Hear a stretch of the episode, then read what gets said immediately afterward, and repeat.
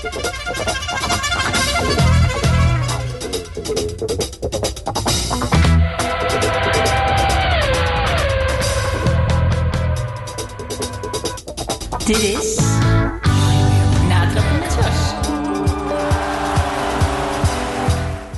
Ja, een hele goede middag. Het is maandag en het nieuw sportprogramma van RTV Maastricht is begonnen. Mijn naam is Sjors Lemmens en het is uh, super spannend natuurlijk om hier te zijn. Zeker met alle nieuwe knoppen die voor me zitten. Maar we gaan iedere maandag gaan we twee uur lang de sport bijpraten van het afgelopen week. En dat doen we zeker niet zelf, of ik doe dat zeker niet zelf. Maar ik heb een vaste sidekick iedere week bij me en dat is Philip Lemmens. En dat is inderdaad iets met een appel die niet ver van een boom is gevallen. Philip, uh, welkom in de uitzending. Leuk dat je er bent. Dankjewel. Ja, en de belangrijkste persoon in deze ruimte, dat zal iedere keer zijn onze gast. En dat is een uh, prominente gast uit de Maastrichtse sportwereld.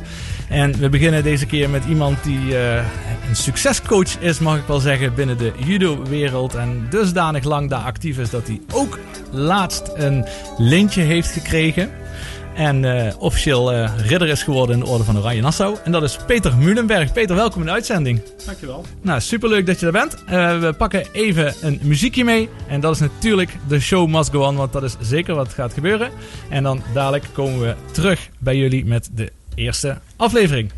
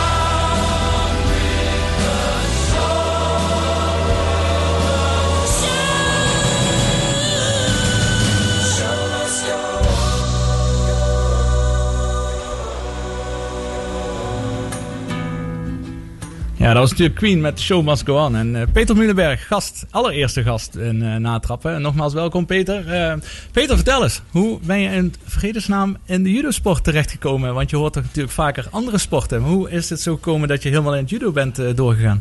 Ja, nou heel simpel. Mijn vader die startte een judoclub. Dus ja, dan, dan is het vanzelfsprekend dat je ook kennis gaat maken met die sport. Eh, het is wel eh, wat later eh, geweest. Ik was 13 toen ik begon met judo. Dat is relatief laat om met judo te starten.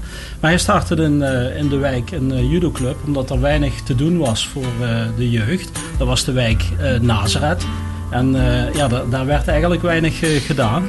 Dus zo ben ik in aanraking gekomen met judo. En ja, dat ging al heel snel na een aantal keren per week trainen. En ja, het is zo'n fantastische sport dat, ja, wie zou daar niet verliefd op eh, worden? Ja, wat is hetgene wat je echt zo getrokken daarin heeft? Nou, je, je bent eh, flink met je, je lijf bezig. eh, en dat niet alleen. Je bent ook verantwoordelijk voor eh, andere toen kinderen. Je hebt daar gradaties in. Want ja, je kijkt dan van, oh, die heeft een, een zwarte band. Dat is toch iets magisch. Dat wordt ook nog wel vaak gevraagd. Hoe heb je dan ook de zwarte band? En later leer je dat dat helemaal zo heel belangrijk niet is. Maar het zorgt eigenlijk voor een totale ontwikkeling van je als mens. Maar dat had ik op die leeftijd nog helemaal niet in de gaten. Hoor. En hoe is het dan? eh, je bent natuurlijk zelf een goed eh, judoka geweest, neem ik aan. Nou, ehm, ik heb, eh, laat ik zo zeggen dat we vroeger niet eh, zo trainden op de manier wat eh, verantwoord was voor je lijf. Als het eh, heel zwaar was eh, en je werd heel moe, dan was het eh, goed. Dus ik heb helaas eh, op eh, redelijk jonge leeftijd een aantal eh, blessures opgelopen.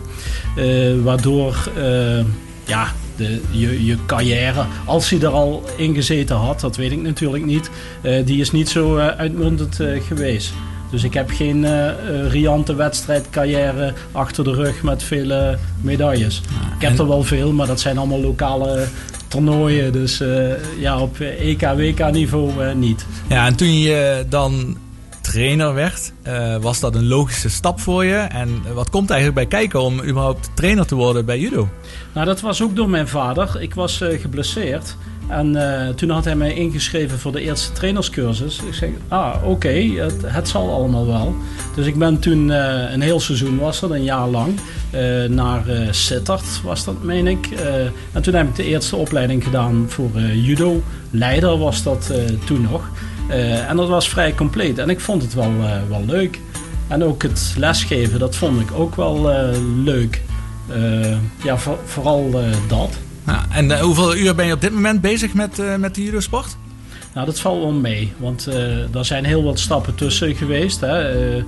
Van het meelesgeven in de vereniging, Judo Club Nazareth vroeger, ben ik uiteindelijk in Scharren mijn eigen judoclub gestart. Omdat in Scharren ook alleen voetbal was. En ja, judo dat hoort er gewoon bij. En toen had ik wel zoiets van, nou ik wil niet dat we een dorpsclub blijven. Er zit meer ambitie. Eerst was een Limburgs kampioenschap het hoogste wat binnen de club gehaald werd. En ik heb toen eh, in 2002 Judo Team Maastricht gestart met de ambitie om eh, wereldwijd eh, te gaan. Ja, dat is een heel interessant verhaal. En daar gaan we dadelijk even uitgebreid naar luisteren. Even na de Walk of Life van Dire Straits.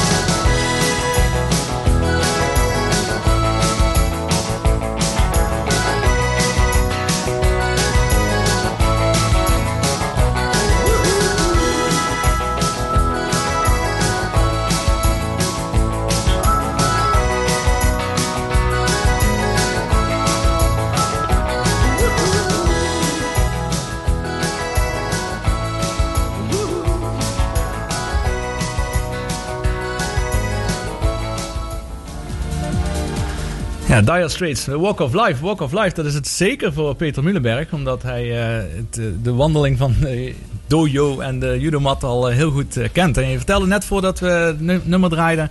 dat jullie gestart zijn met een eigenlijk wel prestatief eh, project... om eh, ja, de judosport niet alleen voor lokaal te houden, maar verder te gaan. Vertel eens over hoe dat tot stand is gekomen... maar met name hoe dat programma eruit ziet en wat dat heeft opgeleverd.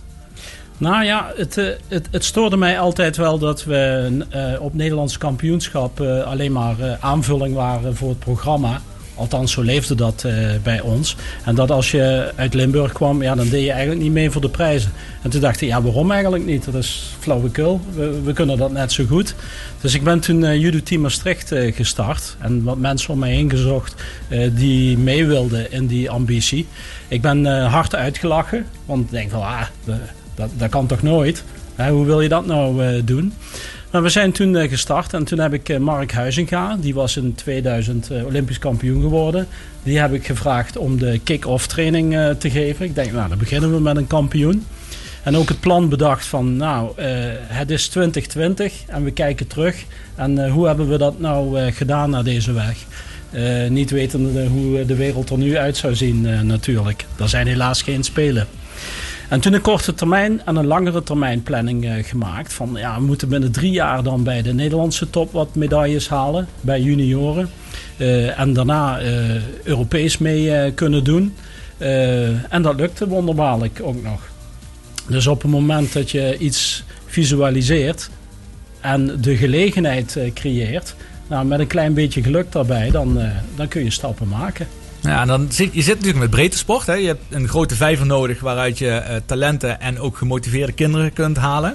Ten eerste, hoe, kreeg je zo'n grote groep eh, binnen de judo-vereniging eh, van Maastricht? Nou, judo is sowieso een populaire sport, nog steeds. Ik zou eigenlijk zeggen, maar daar, daar kom ik misschien later nog voor aan bod om daar wat we met de jeugd zouden moeten doen. Ehm, er zit talent genoeg in de omgeving. We hebben eh, niet gescout, doen we nog steeds niet. We hebben zoiets van, ja, eh, je, je kunt overal talenten vandaan halen, maar ons gaat het niet om de kwantiteit, maar kwaliteit. Zie je dat als een restaurant, eh, als ik 20 tafeltjes heb met topkwaliteit, dat is beter dan dat ik er 200 heb zitten met waar de kwaliteit niet zoveel eh, uitmaakt. Dus eh, we lokken niemand. en als we al iemand lokken, dan is dat door een kwalitatief goed programma aan te bieden. En als je dan aandacht geeft aan de mensen die het goed doen, dan kom je verder. Vaak is de gedachte zo van, ja, iedereen moet mee kunnen. Dat kan ook bij ons. Maar we hebben extra lessen eh, eh, opgevoerd in de agenda waar de wat betere, die kunnen verder ontwikkeld eh, worden. Dus de talenten die krijgen aandacht. En dan komt het bijna vanzelf. En dan, wat moet ik aan denken qua tijd? Wat, wat, hoeveel uur zijn talenten met judo bezig in de week? Nou, dat hoeft nu niet zo heel veel te zijn als ik dat zie met andere topsporten. Als je eh, zes uur per week specifiek judo traint, dat is eigenlijk al meer dan genoeg. Ha, dat is mooi, hè? Want ik, ik heb altijd het gevoel als ik ook eh, Olympische Spelen zie of ik kijk wat op televisie. Ik vind het echt topatleten. Allemaal stuk voor stuk. Dus ik denk altijd van ja, het kan niet zo zijn dat zij relatief weinig doen. Want ze moeten heel veel doen. eh, fysiek, technisch, tactisch, et cetera. Het hele spectrum wat nodig is. Terwijl ze vaak, voor mijn gevoel, ook wat minder waardering krijgen. Terwijl het absolute topsport is wat ze doen. Ja, judo is een hele complete sport. Eh, waar ik eh, het heb over die zes uur, dan is het natuurlijk judo specifiek. Eh, daarnaast zit er nog vele uren krachttraining, conditietraining. Dus hardlopen, fietsen zit daarbij. de specifieke lenigheidsoefeningen, die, daar, die neem ik niet mee in die zes uur. Ik denk dat je totaal, als je echt voor top wil gaan, wel zo'n 20 uur per week effectief aan het trainen bent. Ja, dat is een mooie, mooi streven. Goed om eh, te horen. We gaan eh, even wat muziek eh, draaien. We draaien eh, eh, de overkant van snelle. Want alles wat snelle aanraakt, dat verandert tegenwoordig in eh, goud. Dus bij deze komt de overkant van snelle.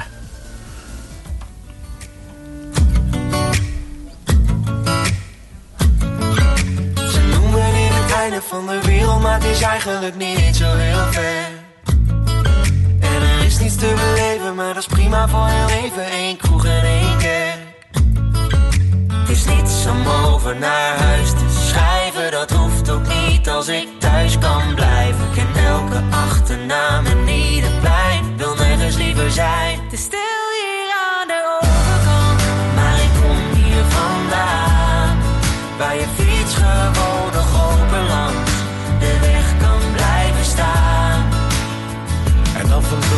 smaak van de stad me nog verleiden. Maar vertellen mijn gedachten dat ik hier had moeten blijven. Ver weg van alles, daar is iedereen dichtbij En het is waar wat ze zeiden. Stil hier aan de overkant. Maar dat maakt op zich niet uit. Ik kom nergens anders thuis. En ja, er rijden treinen hier Aan de oevers van de IJssel Als je carrière maken wil, dan hoef je niet te blijven hier Maar hier lopen wegen die naar Rome gaan het bos in Naar waar het feestje van het jaar de zwarte cross is Daar waar het glas niet half leeg maar half vol is En een open deur los is Het is niets om over naar huis te schrijven. Dat hoeft ook niet als ik thuis kan blijven. Ik ken elke achternaam en ieder plein. Ik wil nergens liever zijn.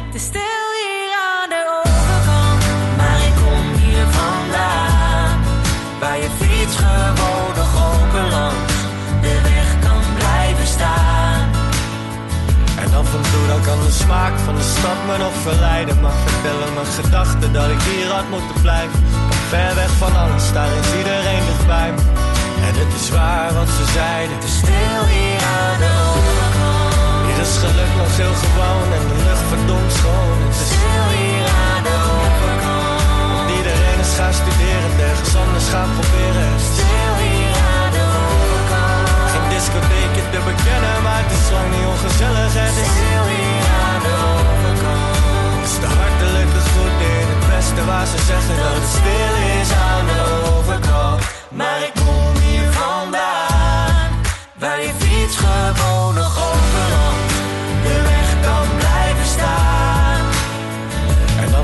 dan kan de smaak van de stad me nog verleiden. Maar vertellen mijn gedachten dat ik hier had moeten blijven. Ver weg van alles, daar is iedereen dichtbij me. En het is waar wat ze zeiden. Stil hier aan de overkant.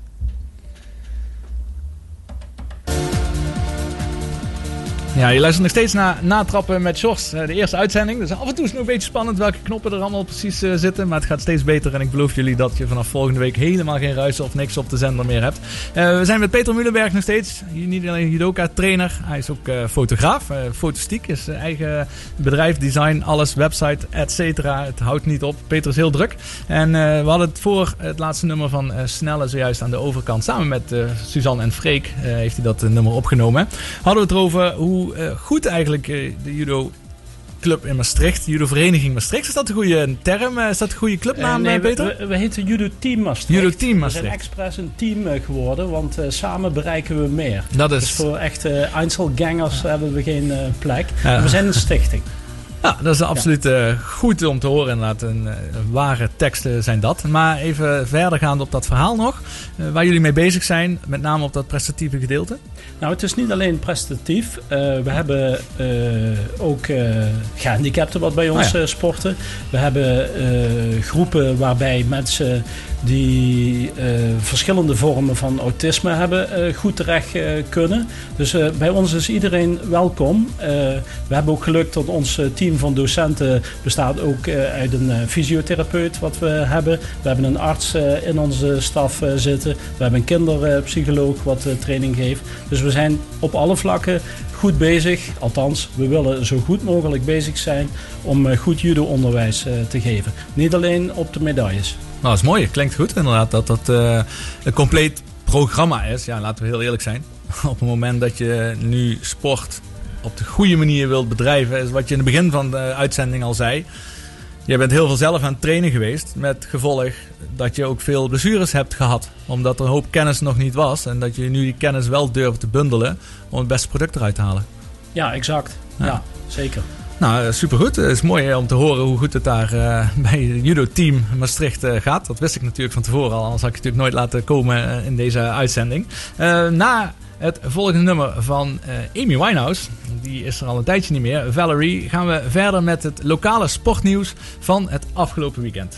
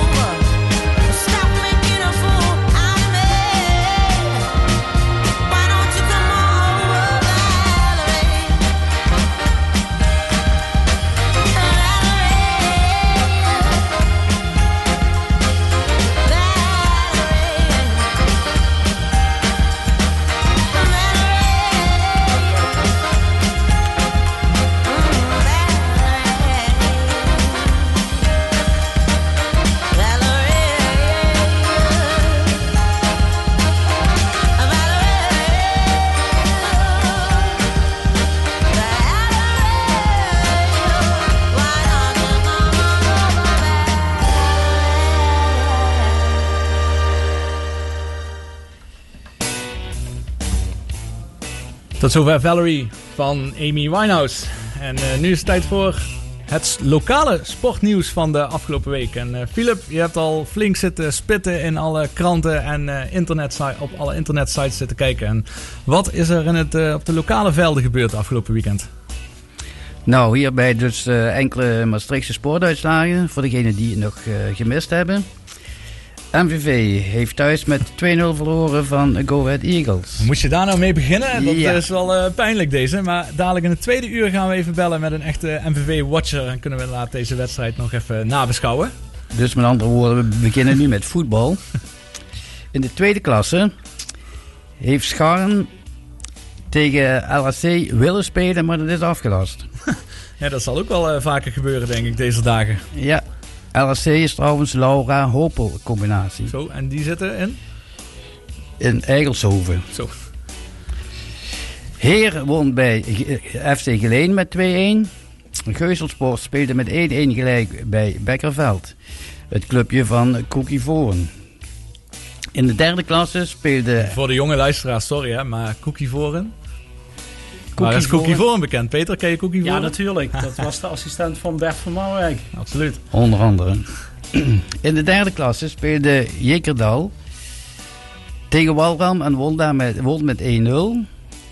En SSA West United, een leuke naam overigens, verloor met 4-0 van Wijnandia, Wijnonstrade. West United is echt zeker nog iets wat wel aan bod gaat komen is de komende weken. Want die fusie is wel echt heel groot. En daar ben ik eh, wel eens benieuwd eh, naar de hoofdrolspelers.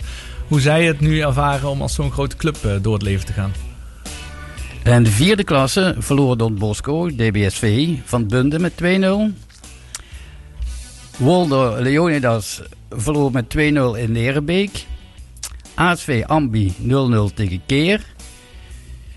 UVC Ulestraten dus tegen Heugem afgelast. En Gronsveld verloor van Willem 1 met 2-0. Verder in de vijfde klasse verloor Daalhof met 3-0 van Bemelen. En Dan- die, en die er zijn inderdaad wat, eh, wat clubs zo in eh, Maastricht. En, eh, maar heb je het gevoel dat er wel veel in de hogere regionen nog steeds gespeeld wordt door Maastrichtse amateurclubs? Nee, vanaf de tweede klasse wordt in Maastricht bij de amateurs gespeeld. Natuurlijk ook wel eens iets om eh, Dus te kijken waar dat vandaan komt. Dus hoger niet. We hebben wel een vijfde klasse en daar verloor Daalhof met 3-0 van Bemer, had ik net gezegd. hè.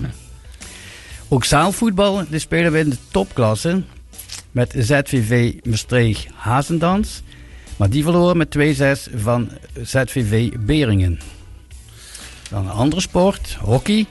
Zowel de dames als de heren wonnen de dames als de heren van Maastricht wonnen. Dames thuis met 5-3 tegen Hopbel uit Schijndel. En de heren wonnen met 2-1 van Basco uit Veldhoven.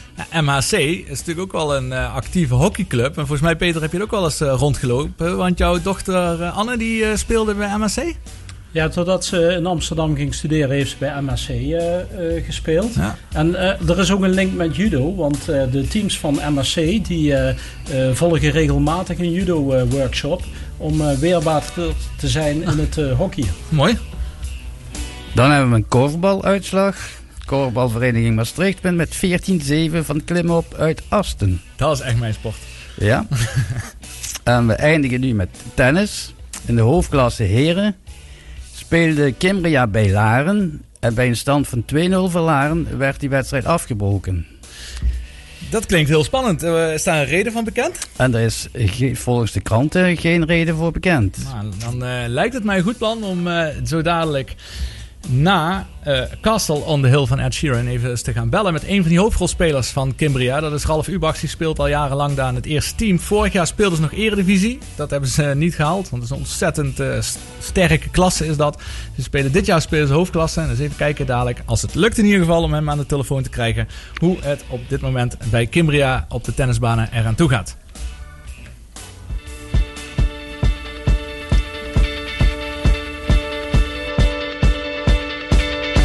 When I was six years old, I broke my leg.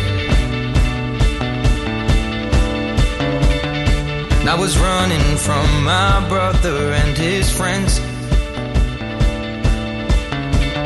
And tasted the sweet perfume of the mountain grass I rolled down. I was younger then. Take me back to when I found my heart,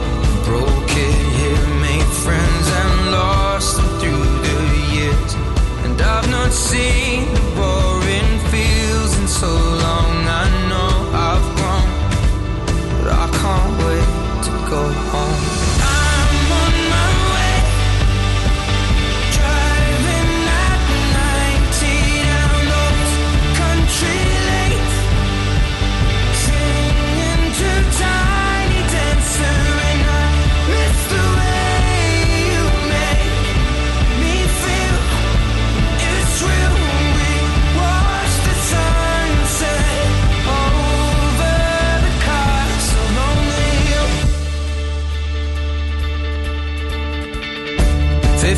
years old and smoking and rolled cigarettes. Running from the law through the backfields and getting drunk with my friends. Had my first kiss on a Friday night. I don't reckon that I did it right, but I was younger then. Take me back to when we found weekend jobs and when buy cheap spirits and drink them straight. Me and my friends have not thrown up in so long. Oh,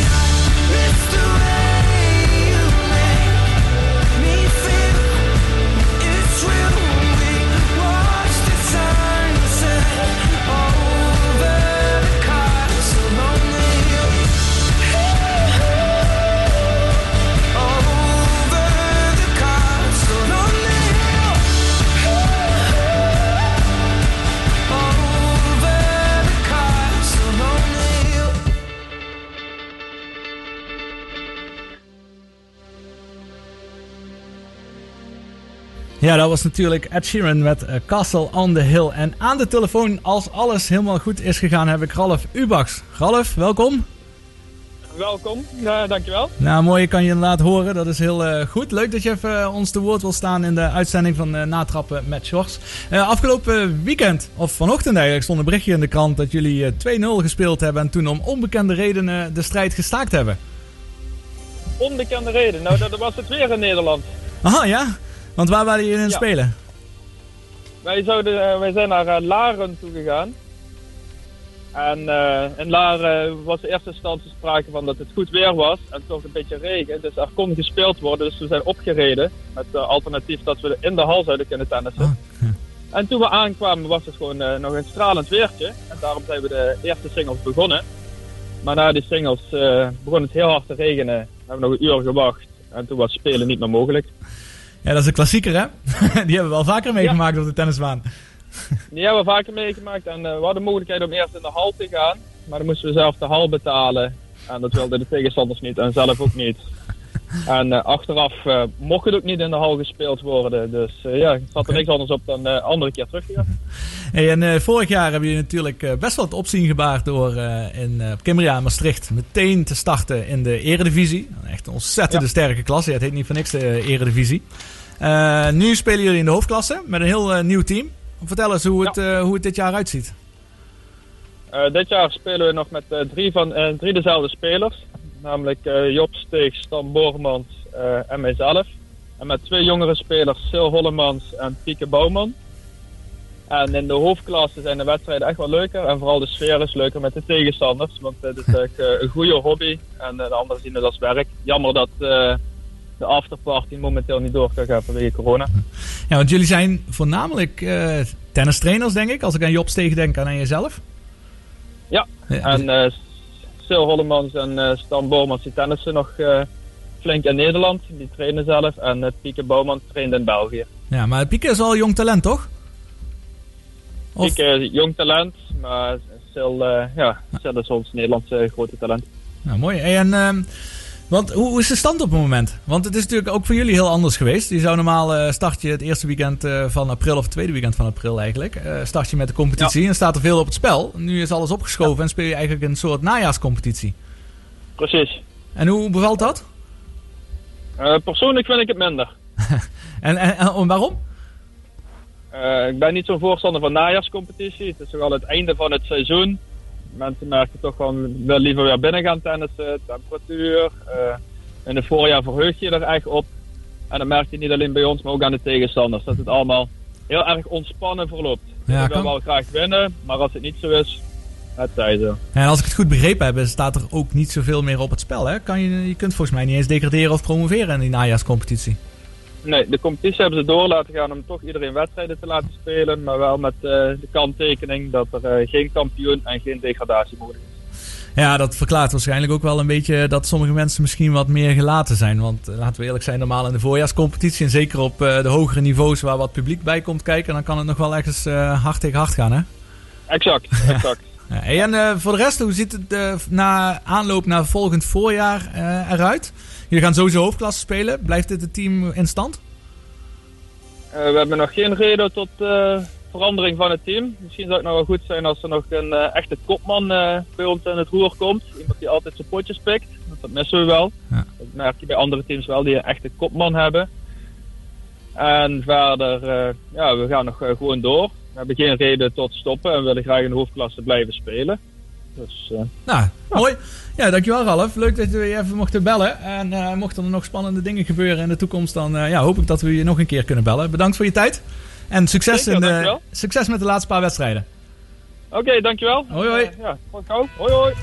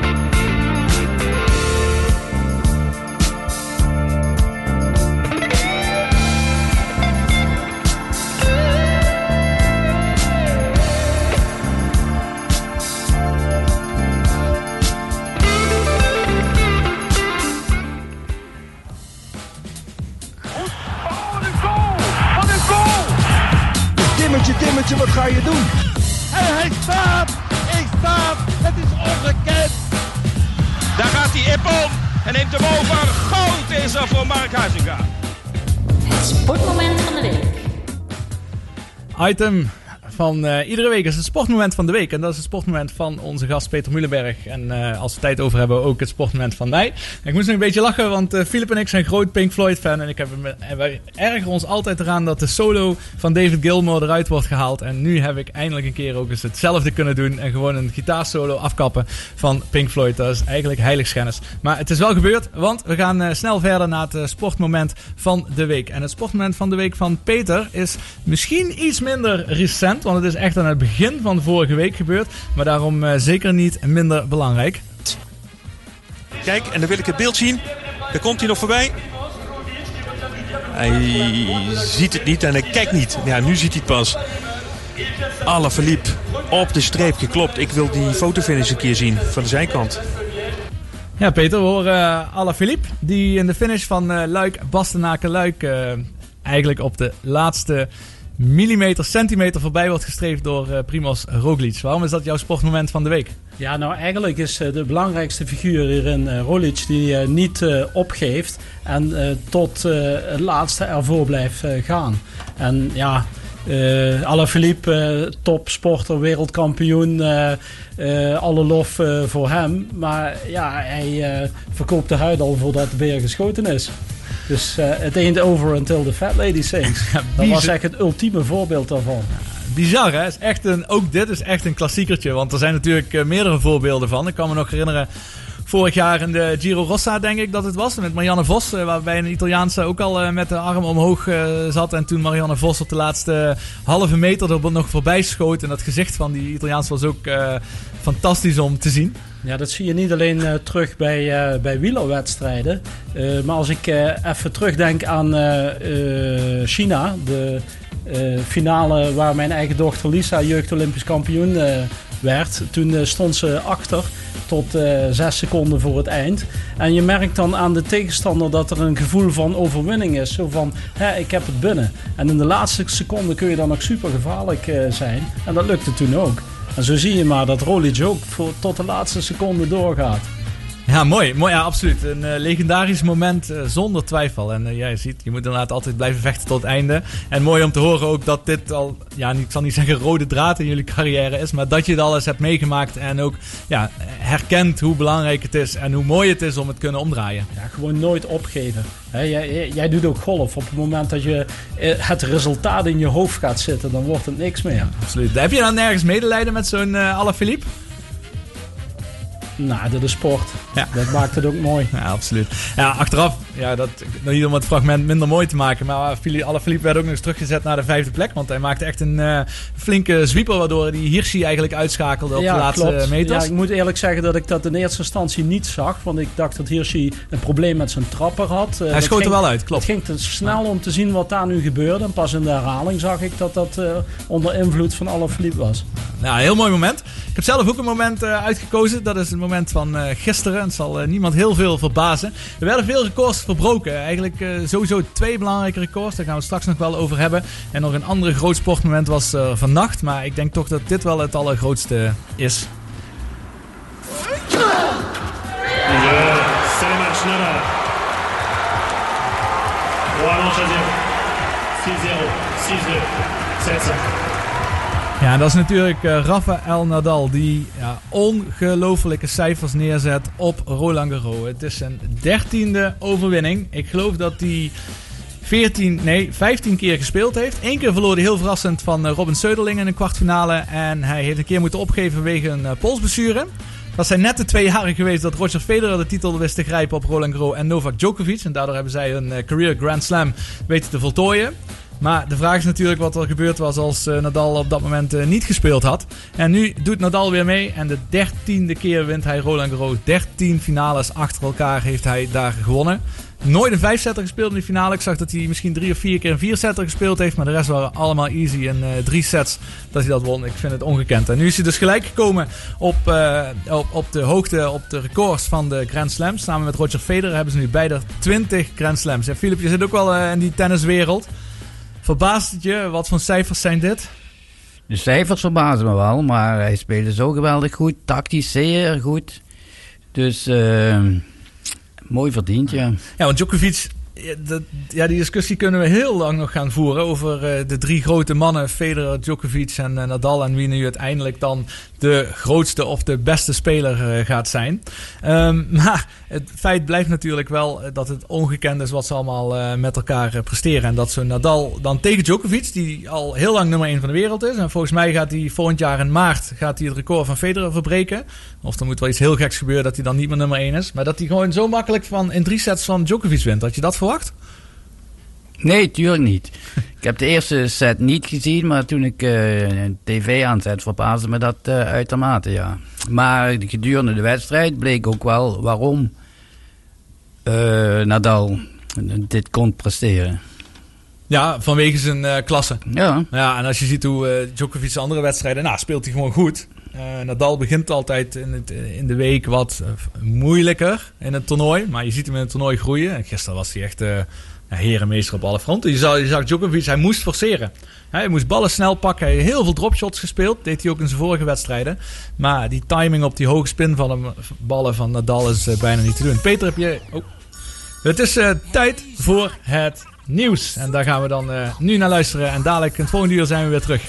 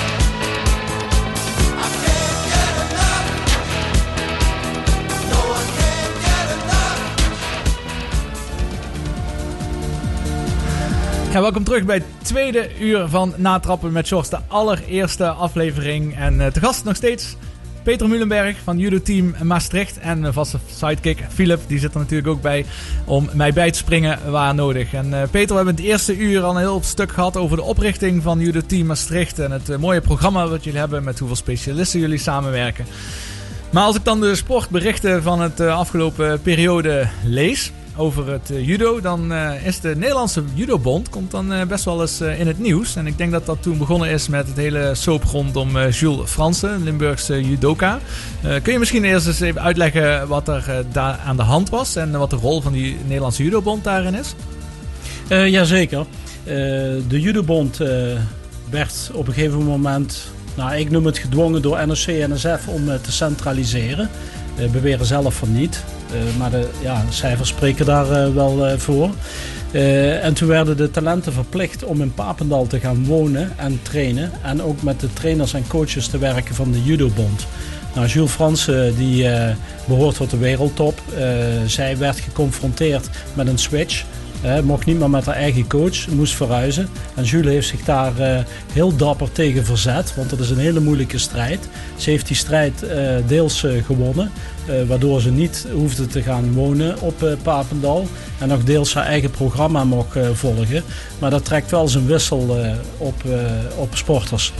Kijk, Jules is eh, sterk. Zij heeft dat voor elkaar gekregen. Eh, ze had ook resultaten daarna. En zij zou ook zonder enige twijfel naar Tokio eh, zijn gegaan voor de Spelen. En dat kan volgend jaar nog steeds als het eh, doorgaat. maar er zijn ook sporters, waaronder Lisa, die zijn op een gegeven moment voor het blok gezet. Van je moet naar Papendal komen. Je moet stoppen met je studie. En je moet vol eh, voor, eh, voor de sport gaan. Ja, even heel snel tussendoor. Lisa Muhlenberg, je dochter, is absoluut Nederlandse top eh, in de judo. Sowieso al vanaf de jeugd en ook internationaal actief. En had ook echt het streven, geloof ik, voorheen... om ook voor het hoogst haalbare te gaan als in de Olympische Spelen. Nou, Lisa die eh, eh, heeft als ambitie om de beste judoka van de wereld te worden. Alleen de route via de judobond, dat werd even onmogelijk gemaakt. Want ja, ik bedoel, als je drie jaar geneeskunde eh, je bachelor hebt en je wordt dan tegen je gezegd van stop er maar mee. Nou, met de wijsheid van nu, hè, ze is in augustus cum afgestudeerd als arts. Die heeft ze in de pocket. Eh, en er waren geen spelen. Dat wisten we natuurlijk niet drie jaar geleden. Maar ja, ik bedoel, judo is een eh, amateursport. Eh, je moet doorgaans geld meebrengen. Dan is het heel dom om je, je studie aan de kant te zetten. En ik snap ook wel van de bond. je gaat onvoorwaardelijk voor je sport. Dus ik heb daar ook wel enigszins begrip voor. Maar we hebben niet zo'n sport waar je in je onderhoud kunt voorzien. Dus er zal altijd een combinatie moeten zijn. En die centralisatie, eh, da- daar, daarvoor is de bond nu ook weer in het nieuws. eh, dat doet het geen goed. En dat zorgt ervoor dat eh, er een slechte doorstroming van talenten is. Die slechte doorstroming omdat veel talenten niet centraal willen gaan wonen en trainen? En dat niet alleen. Eh, je neemt eh, in principe ook een stuk spelvreugde van de clubs eh, weg. Door de clubs die, die werken naar iets toe, die hebben ook ambities, coaches ook. En nu wordt gezegd van nou ja, op het moment dat ze er klaar voor zijn, dan, ja, dan moeten ze bij de bond en dan ben jij klaar als coach. Nou, daar heeft natuurlijk weinig club interesse in. Want die investeringen die wil je ook wel een keer terugzien. In, in, spelvreugde. Ja, rolmodellen heeft iedere club eh, nodig. Ja. Eh, nee, dat is, een heel, oh, dat is echt een heel bekend fenomeen. Dat is echt niet alleen in de judobond, maar je ziet het ook in de, in de tenniswereld, de golfwereld. eh, op heel veel gebieden zie je dit terugkomen. Het lijkt me moeilijk. Wat, heb jij daar een, zelf een, een visie over hoe het in, in het gunstigste geval volgens jou zou moeten gaan? Nou, aan zich is er wel iets te zeggen voor centralisatie. Als je zegt van nou ja, als je bij ons traint, dan faciliteren we een hoop eh, zaken. Hè, dan word je ondersteund. Maar wil je het op je eigen manier doen, prima. Maar wat de bond eh, zegt is van het gaat alleen maar via ons. Er zijn geen andere mogelijkheden. En dat vind ik wel goed in eh, zo'n sport als eh, wielrennen bijvoorbeeld. Waar je eigen teams hebt, waar je je eigen trainingsprogramma mag volgen. En op een gegeven moment eh, ja, word je geselecteerd voor de nationale selectie. En dan ga je naar eindtoernooi. En dat dan de bondscoach het doet, dat is prima. Dat is geen probleem. Of je, je bent voetballer. Het zou toch belachelijk zijn als je zou zeggen van... Nou, als jij ooit ambitie hebt, mag je alleen maar bij Oranje sporten. En eh, Ajax, PSV, Feyenoord, MVV, eh stop er maar mee. Absoluut, daar ben ik het zeker, zeker mee eens. Dat je, eh, de, de bond moet eigenlijk faciliteren. Die Precies. moeten de nou, wedstrijden organiseren. Het is hetzelfde dan met voetbal. Eh, voor het Nederlands elftal, dat wordt gefaciliteerd door de bond. Hè. Maar de opleiding komt natuurlijk van onderaf. En eh, ik denk dat het best wel goed is als de topspelers wel bij elkaar komen eh, regelmatig. Misschien op natuurlijk. Papendal. Ja, daar is ook niks op tegen. Nee, dat denk ik ook alleen maar goed is. Hè? Ja. Je sterke sporters maken elkaar alleen maar beter. Alleen het is wel, eh, ja, eh, wel krom dat er geen uitzonderingen mogelijk zijn. Het is precies wat je zegt. Als Lisa geneeskunde studeert, dat, ga je niet, dat kun je niet opzij zetten. Om, eh, er zijn ook meer Lisa's. Het is niet alleen eh, voor Ja, maar er dat is zijn heel natuurlijk veel situaties waarbij sporters plezier verliezen en een andere keuze maken. En dat is zonde als je dat talent verloren laat gaan. Ja, en hoe gaan jullie daarmee op? Bij jullie team Maastricht? Want ja, je gaat wellicht op meerdere momenten dit meemaken. Omdat jullie veel succes hebben, landelijk of zelfs internationaal. En dan Nou. komt op een gegeven moment de bond aankloppen van ja, kom maar hier naartoe. Ja, ehm, nou, dat is best wel een lastige, maar we hebben toch liefde voor eh, het spelletje. Eh, we investeren nog steeds in eh, talenten. Tot de junioren mogen we daar nog beperkt zelf wat aan doen. En we hebben nu Jules Blom, die is op eh, 7 maart kampioen van Nederland geworden in de plusklasse. Echt een beer van Wat een is plusklasse? Dat is boven de 100 kilo. Oké. Ja, dus eh, ja, Jules is echt een beer van een veld, eh, vent. Eh, hier uit ons eigen Maastricht. En we wilden hem de vrijdag daarna huldigen, maar corona die gooide roet in het eten. Ja, Jules zou eigenlijk een goede kandidaat voor het EK zijn. Maar ook dat ja, gaat helaas vanwege corona niet door. Wij blijven toch investeren in talenten. Alleen ja, bij, bij de junior min 21 eh, laatstejaars houdt dat dan op. Want dan zijn ze nog verplicht om bij de bond eh, te gaan trainen. Oké, Ah, uitdagend. Eh, interessante discussie is dat, eh, hoe dat, hoe dat eraan toe gaat bij de bond. Eh, maar interessant om te horen hoe het in zijn werk gaat. En mooi dat jullie eh, in ieder geval eh, vanuit jullie team Maastricht eh, goede opleidingen kunnen doorgaan. En dan kijkende waar het uiteindelijk Ja, het heeft komt. bij de bond al menig bestuurslid eh, Ja. gekost. Kan me voorstellen. Nou, mooi. Dank je, Peter. We gaan dadelijk eh, weer verder met een volgend item. Ik ben benieuwd welke plaat voor jou een speciale betekenis heeft. Daar komen we zo dadelijk op terug. Na toch wel een eh, oorworm die je overal op de radio hoort. Dat is eh, Jerusalema.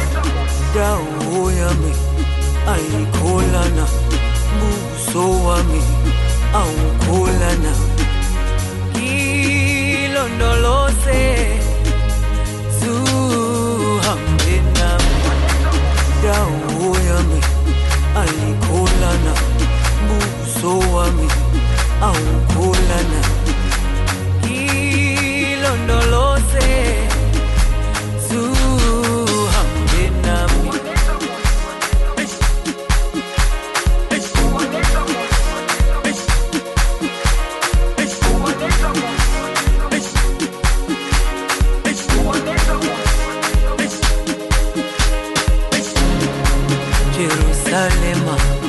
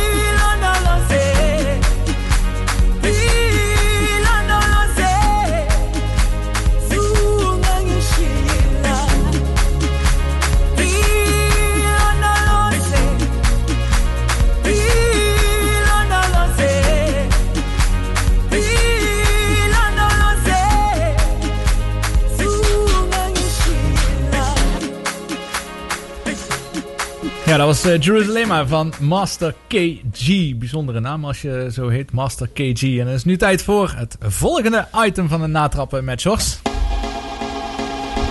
De gastplaat.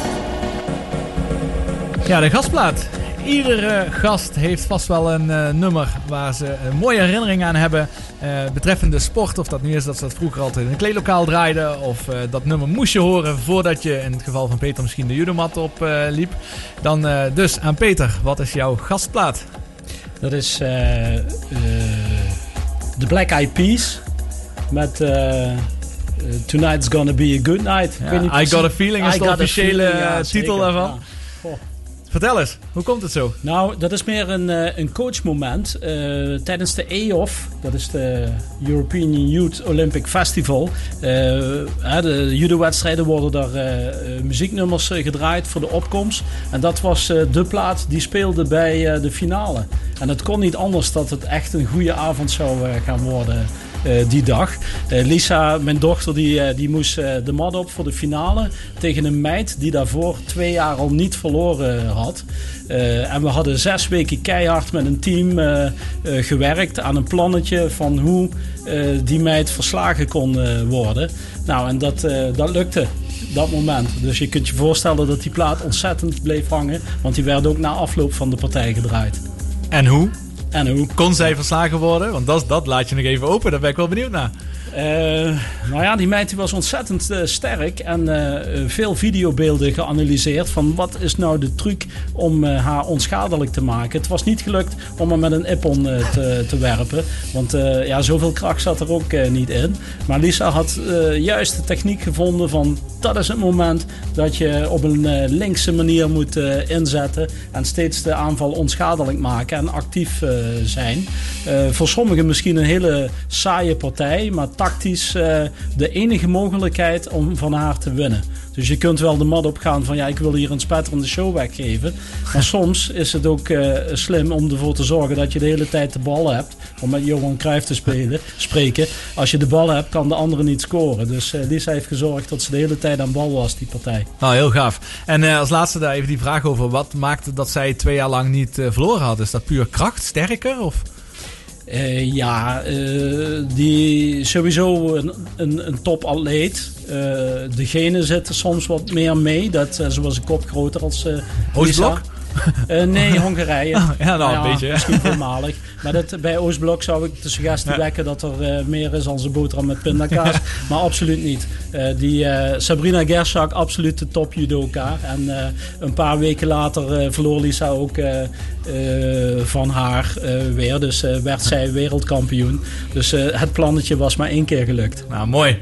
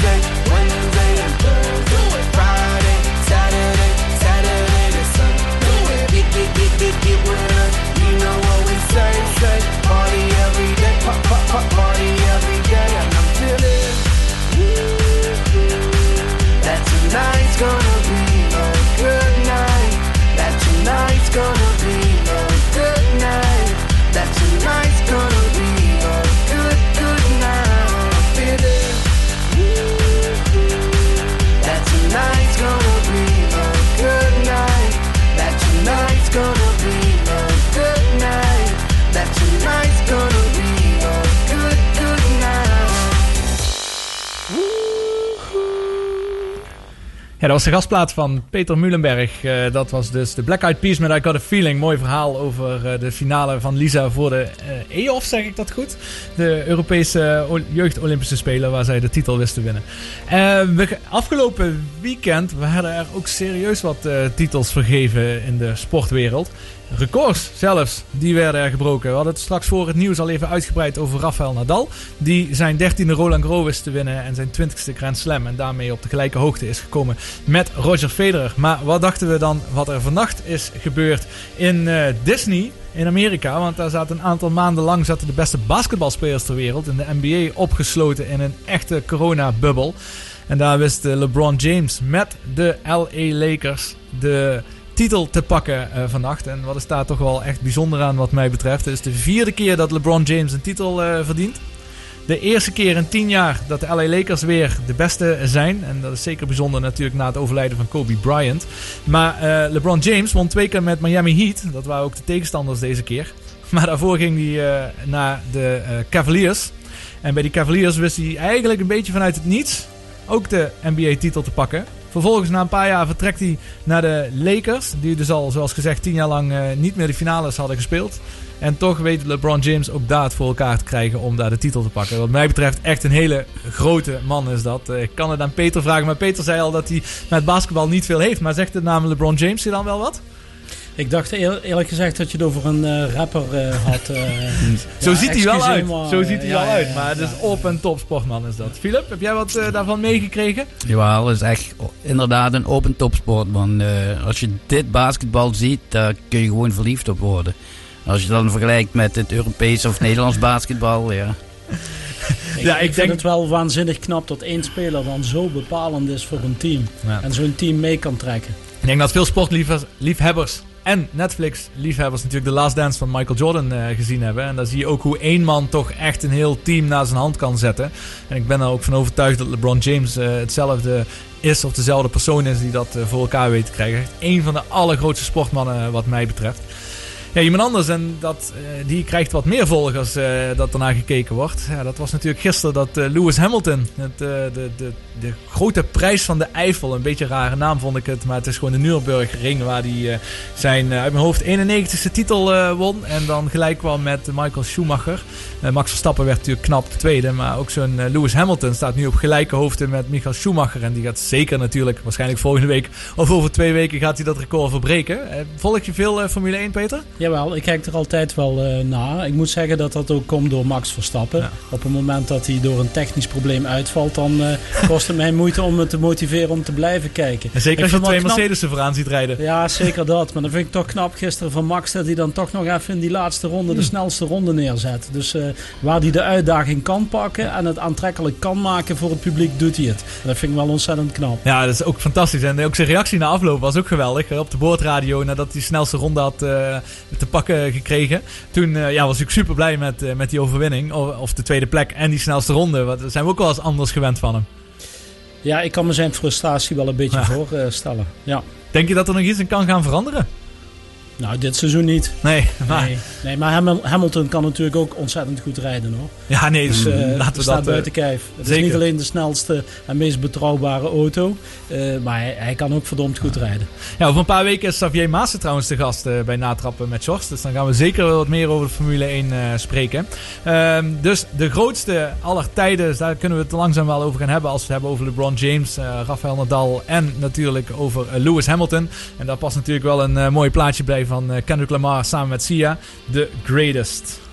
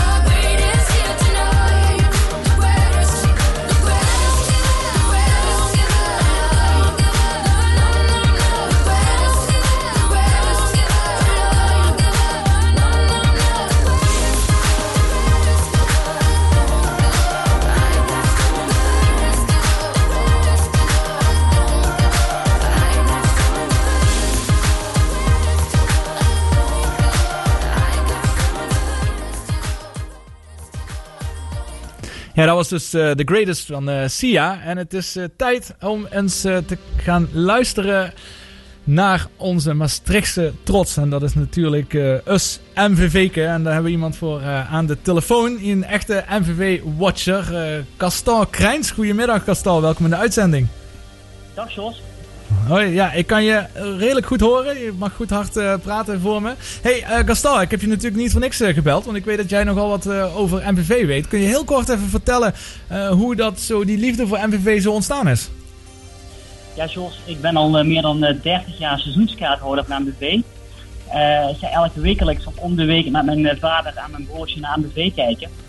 En eh, sinds een aantal jaar ben ik ook lid van de ledenraad van MBV. Dat is een toezichthoudend eh, orgaan eh, die de kernwaarden bewaakt van, de- van, van onze club. En daarnaast ben ik ook een keer sponsor van MBV. Met Regie Auto's is dat, neem ik aan. Ja, dat is ja, heel, ja. heel mooi. Hey, en de laatste jaren, heb je wel wat zware jaren gehad? Of is het alleen het laatste jaar geweest? Eh, ik moet zeggen, de laatste hoogtepunt is eigenlijk van het seizoen 2016-17. We hebben eigenlijk net de na-competitie verloren op de laatste, op de laatste wedstrijd bij Roda. Ja. En daarna is het stapje voor stapje bergaf gegaan met MVV.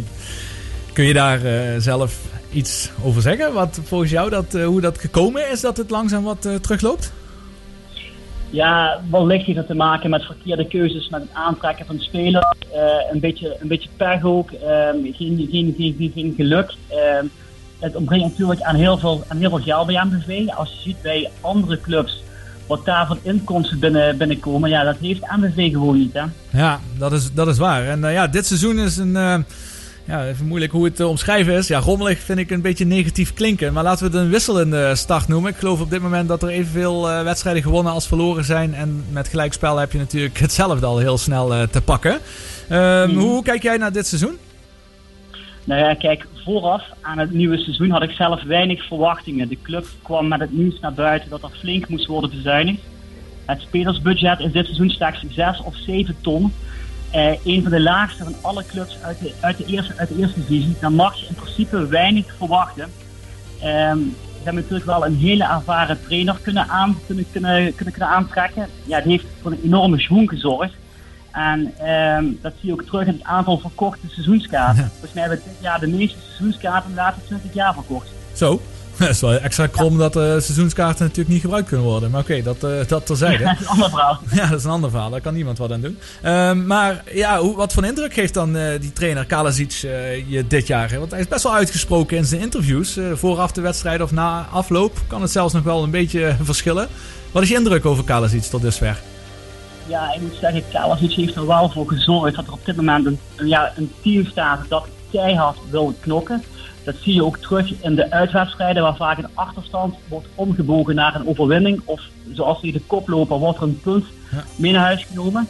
Ehm, kijk, van de andere kant begrijp ik Kalasic wel. Hij heeft vooraf een bepaald strijdplan, visie, hoe hij wil gaan, eh, wil gaan spelen. Als dan door geldfactoren bepaalde creativiteit en stootkracht aan spelers eh, niet kan worden binnengehaald, ja, dan kan iemand teleurgesteld zijn. Hè? Ehm, ja, ik denk wel dat bij zijn aanstelling is gezegd geworden van luister goed eh Daryl, je hebt dat aan budget, meer is er gewoon, is er gewoon niet.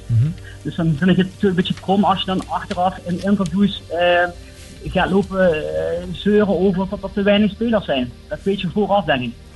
Ja, dat is waar. Ehm, en, en veel zit er niet meer in. Hoewel er zijn, ja, ik weet niet of het positief is, maar er zijn natuurlijk enorm veel nieuwe spelers gekomen. Ik denk er zijn nog maar een paar contractspelers eh, ten opzichte van vorig jaar gebleven. Dus het is echt totaal nieuwe selectie, hè?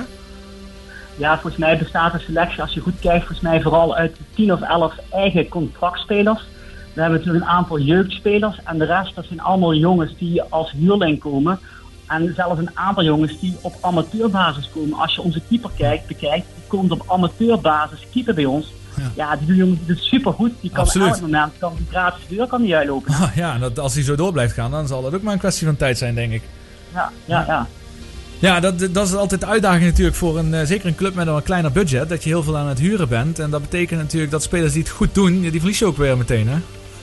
Ja, dat is helaas eh, dat is, dat is de tijd waar MVV in leeft. Dus, eh, Ja, is dat puur budgettechnisch? Alleen als we met MVV grotere budgetten kunnen realiseren, kunnen we spelers langer aan ons binden?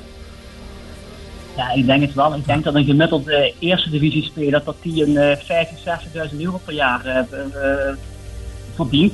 Als je een budget hebt van 6 à 7 ton, dan kom je niet verder als 12, 13 con- contractspelers. Dus eh, Nee, dat is duidelijk inderdaad, eh, Gastal. En dan de rest van het seizoen, dus het natuurlijk nog vroeg in het seizoen. Wat verwacht je ervan? Gaat het eh, niveau eh, zich wat stabiliseren? Of hoe, hoe kijk je naar het komend seizoen? nou, ik, laat, ik, zo zeggen, op de laatste, speel, op de laatste dag van de transferperiode heeft MBV nog twee nieuwe speler, eh, spelers kunnen toevoegen aan haar, eh, aan haar selectie. Dus volgens mij een spits van Lommel en een jeugdspeler van Chelsea. hopelijk brengen deze jongens iets meer creativiteit en stootkracht in de, in de ploeg, want daar ontbreekt het aan. En ehm, ja, de trainer zal moeten gaan werken naar een vaste basiself. Want ik vind, er wordt nog te veel gewisseld. Ja. Ja, dat zullen we zien hoe de komende weken hoe dat eh, eraan toe gaat. Ik zou het eh, heel leuk vinden als ik je vaker mag bellen in de uitzending. Want het is een mooi goed verhaal wat je vertelt. Een duidelijke mening hierover. Dus ja, dat is de eerste vraag. Mag ik je vaker uitbellen in de uitzending? Tuurlijk. Dat is al goed om te horen, Gastal. Hey, bedankt voor je tijd. Leuk dat je even wilde meepraten over MVV. En we spreken je een volgende keer. Dankjewel. Is goed, Jos. Tot ziens, ja. Fijne hoi. Avond. Do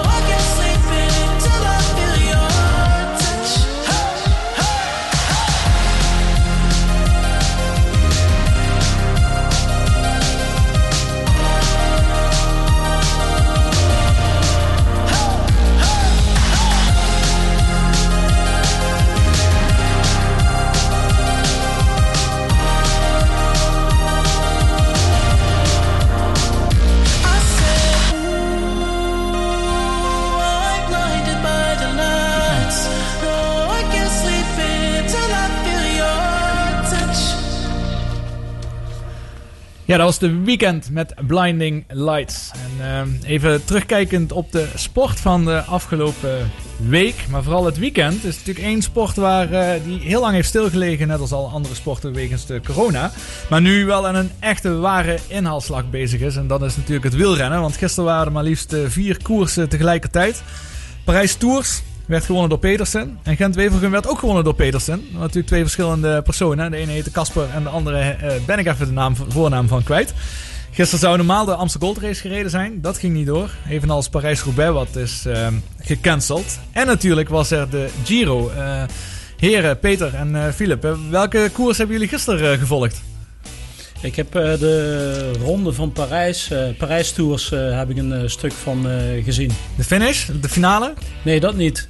Toen ben ik geswitcht naar de Formule 1. eh, ja. Ja, mensen die mij op Facebook volgen, via George Lemmens, die hebben mijn eh, foto zien posten waar ik met drie schermen zat te kijken. Het moest inderdaad combineren Roland Garros, Formule 1 en het wielrennen. Maar wat heb je gezien in Parijs Tours? Nou ja, wat, wat mij opvalt is, eh, en dat, dat was ook eh, zichtbaar in de Tour de France, dat er eh, veel valpartijen zijn. Dat er, hey, ik doe zelf een beetje hobbyfietsen, maar als ik 70 km per uur naar beneden ga, dan dat is voor mij wel de limiet. En als ik dan die mannen nog een reepje zie pakken bij 85 km per uur, dan denk ik van ja, eh beste man, hou je niet van het leven of zo. En, Zo- en jij komt geen stuiterende bidons tegen. Eh, ook dat niet. Dat is ook echt een levensgevaarlijk eh, iets, ja. Ja. Ja. Respect voor die mannen die dat eh, kunnen hoor. En vrouwen uiteraard. Heb jij, eh, Philip, Parijs Tours eh einde? Nee, of, ik of heb eh? Gent-Wevelgem Ja. gezien, een stuk. En wat me daar opviel, dus de rivaliteit tussen Van Aarden en, en Van der Poel, die was eigenlijk... eh, Dat was een mooie. Ja, maar achteraf, Het mooie is, rijden zich alle twee eh, uit de prijzen, hè? Ja, dat klopt. Maar dat is wel, ook wel een inter- interessante discussie. Want iedereen gaat er natuurlijk vanuit dat Van Aert en eh, Van der Poel zitten ook in de finale. In de kopgroep met een man of eh, acht zaten ze, geloof ik. En iedereen kijkt ook naar Van Aert en Van der Poel, omdat ze, weten dat Ja. zij de beste zijn. Mhm. Maar dat is wel echt een tactisch spel. Want zij konden zelf niet al te veel. Want ze moesten elkaars gaten gaan dichtrijden. En uiteindelijk profiteert de rest ervan op een eh, kleine anderhalve kilometer van de streep. Omdat eh, een- voor één keer Van Aert en Van der Poel niet meesprongen. En dan is het gebeurd. Maar dat is toch ook wel het mooie van de sport. Want je zou van tevoren zeggen, ja, een van die twee jongens gaat winnen. Want Van der Poel wint altijd. En Van Aert in de Tour de France won ook veel. En dan gebeurt het een keer niet. Ja, het ligt eraan hoe je, hoe je daarin staat. Hè. Zoals, er, liefhebber. zijn, er zijn sowieso de twee beste wat meereden daar. Dus dan ga je er ook vanuit dat ze tot het einde mee blijven doen. En nu eh, ja, fietsen ze zichzelf eh, Ja, dat is natuurlijk aan ook de een kant. ontzettend tactisch eh, spelletje. Mhm. Van wanneer ga ik, wanneer ga ik niet. eh, zit je bij het juiste groepje? Ga je wel mee? Verspil je niet te veel energie? Want het maakt nogal wat uit of je eh, achter iemand aan de sprint kunt aantrekken. Of dat je dat eh, in je eentje moet doen. Ja, dat belooft wel wat voor volgende week, eh, de Ronde van Vlaanderen. Want eh, ze gooiden nog wat modder naar elkaar na afloop. Waar Van Aert Mhm. zei eh, dat het normaal niet de, de, de stijl van, eh, van de Poel is om eh, niet mee te rijden. Terwijl Van de Poel na afloop eigenlijk al voor het interview van Van Aert zei dat de koek al een beetje op was aan het einde. En dat hij gewoon niet meer mee kon springen. Nou, en bij de Ronde van Vlaanderen zijn alle ogen zeker weer op hun gericht. Dus ik ben benieuwd. Maar ook, ook daar is zo van, ja, de verslaggeving en alles maakt er ook wel een verhaal van. Eh, en soms is de werkelijkheid veel simpeler. dat kan inderdaad Ja. het geval zijn. Eh, en een beetje vind ik in de schaduw wordt natuurlijk eh, een van de allergrootste wielerrondes eh, gereden. De Giro d'Italia. Zijn zij het slachtoffer van het eh, drukke programma? Je hoort er weinig over. Nou, ik heb begrepen dat de NOS de uitzendrechten niet eh, heeft. Dat dat een eh, te grote last is op het budget. En dat maakt natuurlijk ook dat het daardoor wat minder leeft. en de, ja, onze Nederlandse toppers. Ehm, ja, die, die zijn, en dan kijken we naar Maastricht, eh, Tom Dumoulin. Hoewel we wel een Maastrichtenaar eh betrokken hadden bij de Giro. De sportchiropractor Maarten Thiele, die was mee met de Jumbo-ploeg. Ja. En ja, je hebt natuurlijk wel eh verhaal dat, eh, hoe heet het, eh, Welko Kelderman, ja, die staat wel gewoon eh, echt super goed ervoor. Ja, volgens mij staat hij tweede. Tweede, nu, ja. eh, Ja. ja. dus Ja. Dat, eh, dat gaat wel heel goed. Ja, slechts een half minuutje staat hij op dit moment staat hij achter eh, te- te- op de leider. Eh, die naam eh, is even wat moeilijk uit te spreken, maar een half minuutje. En dat Ja, is nog een week zijn, te hè? koersen. Dus ik denk dat het wel interessant is om Wilco Kelderman te gaan volgen. Ja, we zitten er bijna, het zit er al bijna op, de allereerste uitzending van Natrappen met Sjors. Het is natuurlijk allemaal spannend, zeker met alle knoppen en de verschillende items. Het had wat mij betreft veel erger gekund, zo'n eerste aflevering. We draaien nog een muziekje en dan gaan we dadelijk langzaam maar zeker afsluiten.